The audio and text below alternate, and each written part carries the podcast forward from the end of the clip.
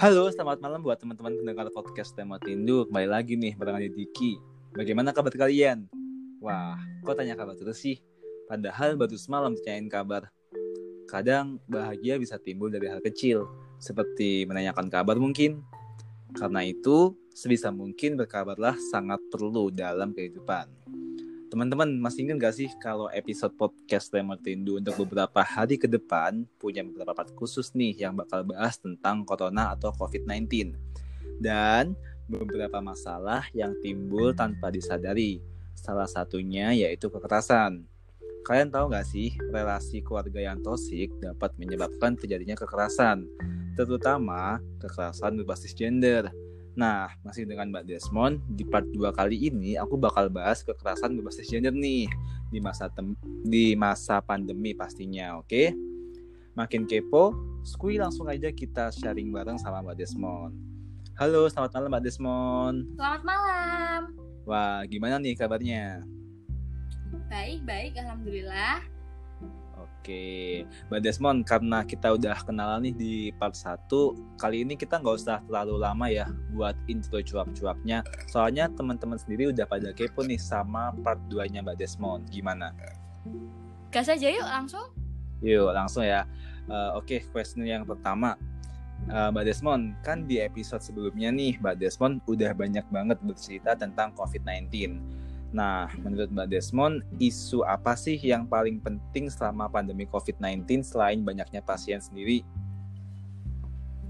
Kalau menurut saya sih mengenai kondisi keluarga pada masa pandemi ya.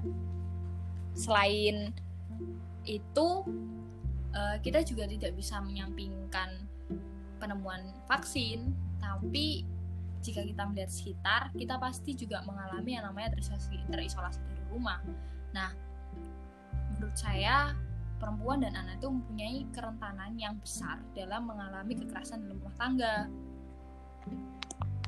Oke, tapi Mbak, menurut Mbak Desmond, kekerasan itu kayak gimana sih? Maksudnya uh, bisa nggak sih Mbak Desmond ngasih penjabaran ke kita gitu, biar kita itu nggak nggak nggak ngambang pandangannya kita itu kayak gimana? Gitu menurutku sendiri dan sependek yang aku ketahui kekerasan itu sebuah tindakan atau perbuatan yang menunjukkan agresi dan penyerangan. Nah, hal itu terjadi adanya relasi kuasa yang dilakukan secara senang-senang. Gitu. Bisa terjadi kepada individu maupun kelompok. Oke, mantap. Uh, karena Mbak Desmond udah berargumen tentang kekerasan nih, Mbak Desmond bisa nggak sih cerita ke kita, ke teman-teman tentang kekerasan yang pernah dijumpai sama Mbak Desmond sendiri secara langsung? Atau mungkin Mbak Desmond pernah ngalamin gitu? Misal nih, Mbak Desmond lagi sama pacarnya, terus pacarnya lagi marah, terus ngelakuin kekerasan. Atau mungkin Mbak Desmond juga bisa nih sharing ke teman-teman apa sih dampak atau efek dari kekerasan tersebut? Kekerasan yang saya jumpai ya beragam ya Nah, salah satunya uh, beberapa waktu yang lalu itu saya mendampingi teman saya yang uh, habis mengalami kekerasan dalam pacaran berupa kekerasan fisik dan kekerasan psikis. Nah, uh, kalau yang saya ketahui ya mengenai akibat-akibatnya itu bisa menjadi trauma, bisa kesehatan mentalnya terganggu dan menurunnya kepercayaan terhadap diri sendiri sih secara ringkasnya kayak gitu. Oke uh, karena Mbak Desmond udah jabarin nih uh, tentang kekerasan sendiri kita langsung masuk nih ke dalam topik. Kali ini kita bakal bahas tentang kekerasan berbasis gender yang telah aku sebutin tadi di awal waktu intro Nah, menurut Mbak Desmond, kekerasan berbasis gender ini apa sih kalau boleh tahu? Kan tadi udah tuh Mbak Desmond udah jelasin uh, definisinya atau pengertiannya tentang kekerasan. Nah, kalau yang sekarang kekerasan berbasis gender itu apa sih kalau boleh tahu? Sependek yang saya ketahui sendiri, kekerasan berbasis gender itu sering dipergunakan secara bersamaan dalam menyebut istilah kekerasan terhadap perempuan. Nah, dimensinya ini menyoroti dimensi gender. Hal ini terjadi karena adanya konstruksi gender yang menempatkan status perempuan sebagai masyarakat kelas 2. Karena itu dapat terjadi di lingkup domestik maupun publik. Nah, kita harus menjabarkan nih relasi kuasa tuh kayak gimana yang terjadi ketika mengalami kekerasan berbasis gender perempuan menjadi tersub, tersubordinir oleh laki-laki sebagai kepala rumah tangga. Potensi-potensinya dan penyebabnya mungkin bisa dibahas ya. Selanjutnya, Oke teman-teman, kayaknya Mbak Desmond di episode part 2 kali ini masih gugup ya kayaknya. Gak apa-apa kan ya teman-teman ya, soalnya emang uh, masih awal-awal juga buat nge-podcast, bener gak Mbak? Bener, ini baru kedua kalinya aku bikin podcast sama Digi. Makasih Digi. Oke oke oke lanjut ya Mbak ya ke next questionnya. Uh, Mbak Desmond, kalau boleh tahu nih, kan tadi Mbak Desmond udah jabarin tentang uh, ini ya tentang kekerasan berbasis gender. Nah sekarang aku boleh nggak sih tanya apa sih yang menjadi penyebab dan potensinya terjadinya KGB kalau boleh tahu? Kekerasan berbasis gender pada masa pandemi sendiri khususnya itu terjadi karena berada dalam keadaan terisolasi di dalam rumah. Bener gak? Bener banget. Terus terus gimana mbak? Nah karena itu perempuan menjadi orang yang mempunyai beban ganda dalam mengerjakan pekerjaan domestik.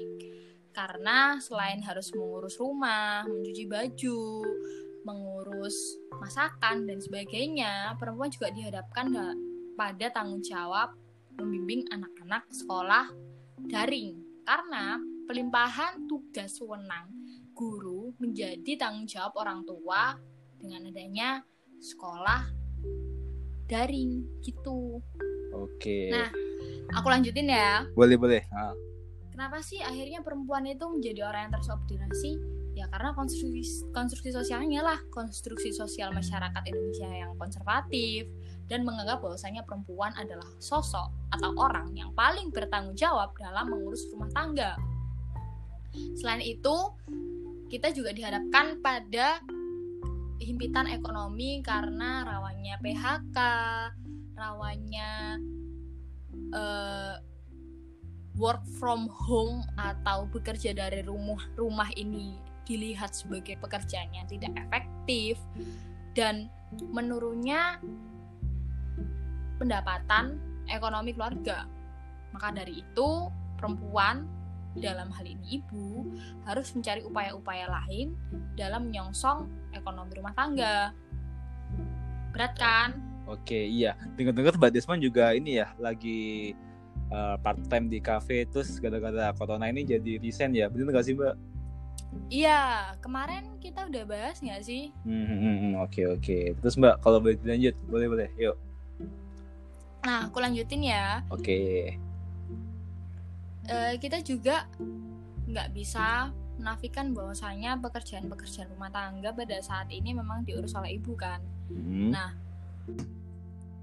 Oke, Mbak Desmond, karena udah jelasin nih tentang kekerasan berbasis gender, aku langsung masuk ke dalam intinya ya.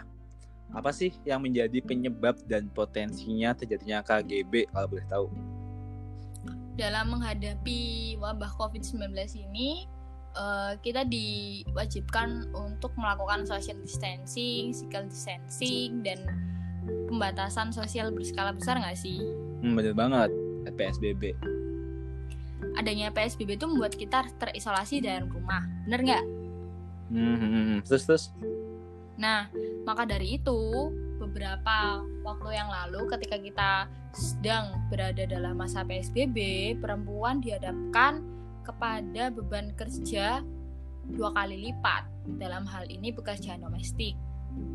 Karena uh, adanya konstruksi sosial masyarakat yang menempatkan bahwasanya perempuan itu mempunyai tanggung jawab yang lebih besar dalam mengurus rumah, mengurus anak, dan sebagainya. Then? Maka dari itu uh, kebijakan ini mengakibatkan perempuan rawan sekali mengalami kekerasan berbasis gender. Karena kita lihat bahwasanya eh, adanya kebijakan work from home akibat adanya PSBB itu menyebabkan kita terisolasi di dalam rumah dan eh, si kondisi ini menyebabkan terhimpitnya kondisi eh kondisi ini menyebabkan ekonomi melemah dalam hal ini rumah tangga maka dari itu hal-hal yang mempunyai akibat daripada kelemah melemahnya ekonomi ini ya perasaan cemas, perasaan khawatir dan sebagainya. Siapa yang menanggung? Siapa yang menanggung? Oke, iya ya betul juga ya siapa yang nanggung ya kira-kira. Siapa yang nanggung? Oke. Oke. eh, gimana? Cukup Mbak Desmond? A- atau ada tambahan lagi nih? Aku punya pertanyaan yang lebih hot-hot banget nih, lebih apa ya? Bikin semua pada kepo gitu. Iya, gimana? Udah nih, eh, yang tadi udah cukup. Udah? Oke, eh, sekarang gini, Mbak Desmond kan tadi udah jawab nih apa itu kekerasan berbasis gender, terus apa eh, penyebab dan potensinya terjadinya. Sekarang nih, aku punya pertanyaan. Eh, menurut Mbak Desmond, kekerasan berbasis gender itu punya ru- ruang lingkup nggak sih? Ruang lingkup kekerasan berbasis gender itu bisa terjadi di wilayah privat dan publik. Nah, dalam situasi normal ataupun sulit, baik terjadi di tingkat individu, komunitas maupun negara. Kurang lebihnya kayak gitu. Oke, teman-teman udah pada tahu kan ruang lingkupnya kekerasan berbasis gender itu kayak gimana. Nah, sekarang karena udah tahu ruang lingkup, udah tahu pengertiannya, eh, apa aja sih Mbak Desmond macam-macam kekerasan berbasis gender itu? Kan tadi juga udah disebutin tuh eh, dampak-dampak kekerasannya gitu kan. Mm-mm. Nah, sekarang macam-macamnya. Banyak sih macam-macamnya. Eh, ada perkosaan dan percobaan perkosaan, penganiayaan seksual yang merupakan bentuk ancaman fisik secara seksual, baik dengan menggunakan kekerasan atau di bawah ketidaksetaraan dengan kondisi paksaan. Adanya eksploitasi seksual, adanya kekerasan seksual yang merupakan tindakan apa pun percobaan untuk melakukan kegiatan seksual, kata-kata, atau jumbuhan seksual yang tidak diinginkan, atau perdagangan seksual menggunakan paksaan, ancaman fisik oleh siapa pun, apa pun hubungannya dengan si korban, di mana pun, tidak hanya di rumah atau di tempat kerja. Nah, selanjutnya ada kekerasan fisik yang mengacu pada tindakan menyakiti tubuh ada kekerasan psikologis yang mengacu pada tindakan atau peniadaan yang menyebabkan atau pada pe- atau dapat menyebabkan penderita- penderitaan mental dan emosional. Kemudian ada penelantaran ekonomi yang merujuk pada perilaku yang membuat perempuan bergantung secara finansial. Misalnya, menarik dukungan finansial atau melarang korban bekerja. Diambil atau diancamnya sumber penghasilan dan hak untuk menikmati harta bersama serta mengontrol uang dan kepemilikan korban. Nah, ada juga praktik-praktik berbahaya merupakan bentuk dari ketidaksetaraan gender dan norma sosial, budaya, agama, serta tradisi yang diskriminatif yang berhubungan dengan posisi perempuan dalam keluarga, komunitas, dan masyarakat. Untuk apa? Ya untuk mengendalikan kebebasan perempuan, termasuk seksualitasnya. Oke, Mbak Desmond. Tadi Mbak Desmond bilang ya kalau ada praktik eh, tentang kekerasan berbasis gender ya, iya nggak sih? Betul. Nah itu praktiknya emang kayak gimana sih Mbak kalau boleh tahu? diskriminatif sih bisa bisa menjadi bahwasanya perempuan itu wajib melakukan pekerjaan domestik rumah tangga misalnya karena eh, norma-norma yang ada di lingkungannya itu mengamini bahwasanya itu tanggung tanggung jawabnya perempuan aja gitu dan pengambilan keputusan sih pengambilan Oke. keputusan yang dilakukan oleh laki-laki dan perempuan cenderung dilakukan oleh laki-laki dan itu akibat adanya relasi kuasa nggak sih Oke, aku oke, udah oke. jelasin tadi. Oke, Mbak. Eh macam-macam udah, terus ruang lingkupnya udah. Terus gini, Mbak. Pertanyaan terakhir nih. Alhamdulillah pertanyaan terakhir. Bagaimana sih eh data mengenai KGB? Eh, maksud aku bagaimana data mengenai KBG, kekerasan berbasis gender? Sorry ya teman-teman agak belibet soalnya emang kalau disingkat gini kayak aneh aja gitu kayak belibet gitu. Iya gak Mbak Desmond ya? Ya nggak usah disingkat aja gimana? Oke oke. Aku ulang lagi ya pertanyaannya. Bagaimana sih? Hmm, bagaimana data mengenai kekerasan berbasis gender? Menurut protokol penanganan kasus kekerasan terhadap perempuan di masa pandemi COVID-19 ini menunjukkan bahwasanya data yang di- dihimpun oleh Simfoni Kementerian PPP PA periode 2 Maret sampai 26 April 2020 menunjukkan jumlah kasus kekerasan terhadap perempuan dewasa lebih dari 18 tahun mencapai 173 kasus dengan rata-rata 3 kasus per hari. Sedangkan untuk jumlah korban kekerasan terhadap perempuan eh, maksud saya sedangkan untuk sedangkan untuk jumlah korban kekerasan terhadap perempuan dewasa mencapai 174 korban dengan 66% yaitu 114 orang adalah korban KDRT dan 6% yaitu 11 orang adalah korban TPPO atau tindak pidana perdagangan orang. Nah, kita lihat ya di sini bahwasanya meningkatnya kasus kekerasan berbasis gender selama pandemi ini cukup mengkhawatirkan nggak sih? Karena di satu sisi itu korban harus tetap mendapatkan bantuan, di pihak lain petugas itu petugas yang menangani juga harus mematuhi protokol kesehatan untuk mengantisipasi agar tidak tertular virus, terse- virus tersebut. Ya nggak sih? Betul banget. Oke Mbak Desmond, karena Mbak Desmond udah jelasin tentang tentang apa aja ya tadi, tentang ruang lingkup kekerasan berbasis gender, udah jelasin tentang macam-macamnya, udah jelasin data mengenai kekerasan berbasis gender juga. Kalau aku sendiri boleh tanya nggak sih Mbak, secara pribadi gitu? Iya kita saling-saling saling sharing aja. Oke, eh, ini sekalian pertanyaan penutupan sih Mbak sebenarnya, nggak apa-apa kan ya? Ya nggak apa-apa. Oke, menurut Mbak Desmond nih, kenapa sih kita itu sebagai warga Indonesia nggak sadar terhadap kekerasan berbasis gender ini?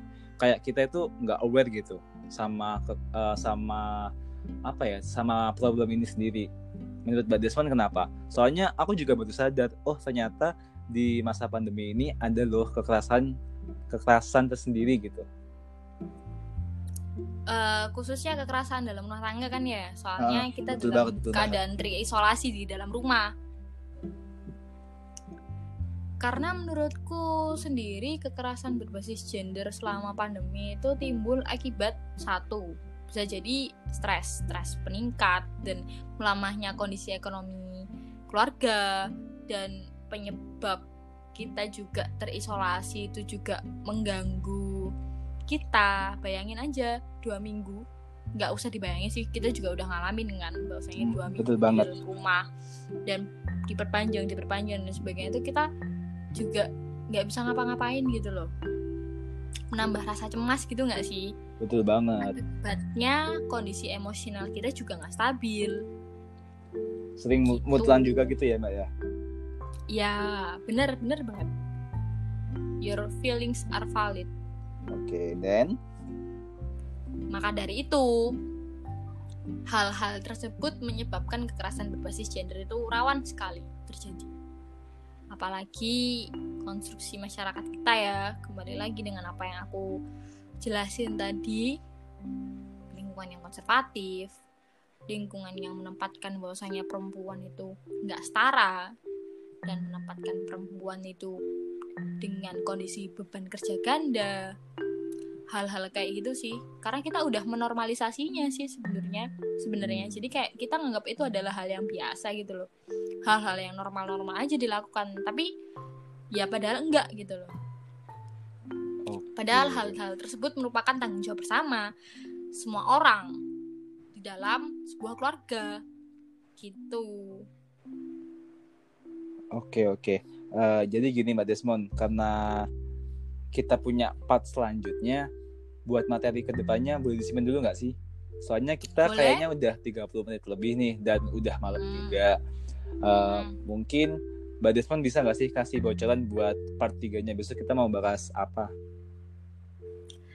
Eh, dampak nggak sih? Dampak kekerasan berbasis gender dan Dan apa ayo? Dan bagaimana kita menghadapinya. Oke, ya buat teman-teman yang masih kepo-kepo sama Mbak Desmond dan materinya, mungkin bisa ya stay tune di podcast episode Corona yang partnya Mbak Desmond. Bener nggak Mbak Desmond ya? Benar.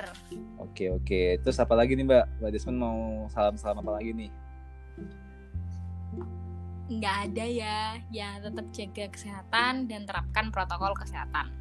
Oke. Tetap pakai masker dan cuci tangan. Oke teman-teman, kayaknya kita udahan di sini dulu ya Mbak Desmond ya. Ya, Oke, eh, buat teman-teman juga saling stay stay at home, stay safe, stay care, anything. Pokoknya jaga diri aja buat terhindar dari virus COVID-19 ini. Oke teman-teman, selamat malam, selamat ketemu lagi buat besok di part 3-nya. See you, dadah, terima kasih.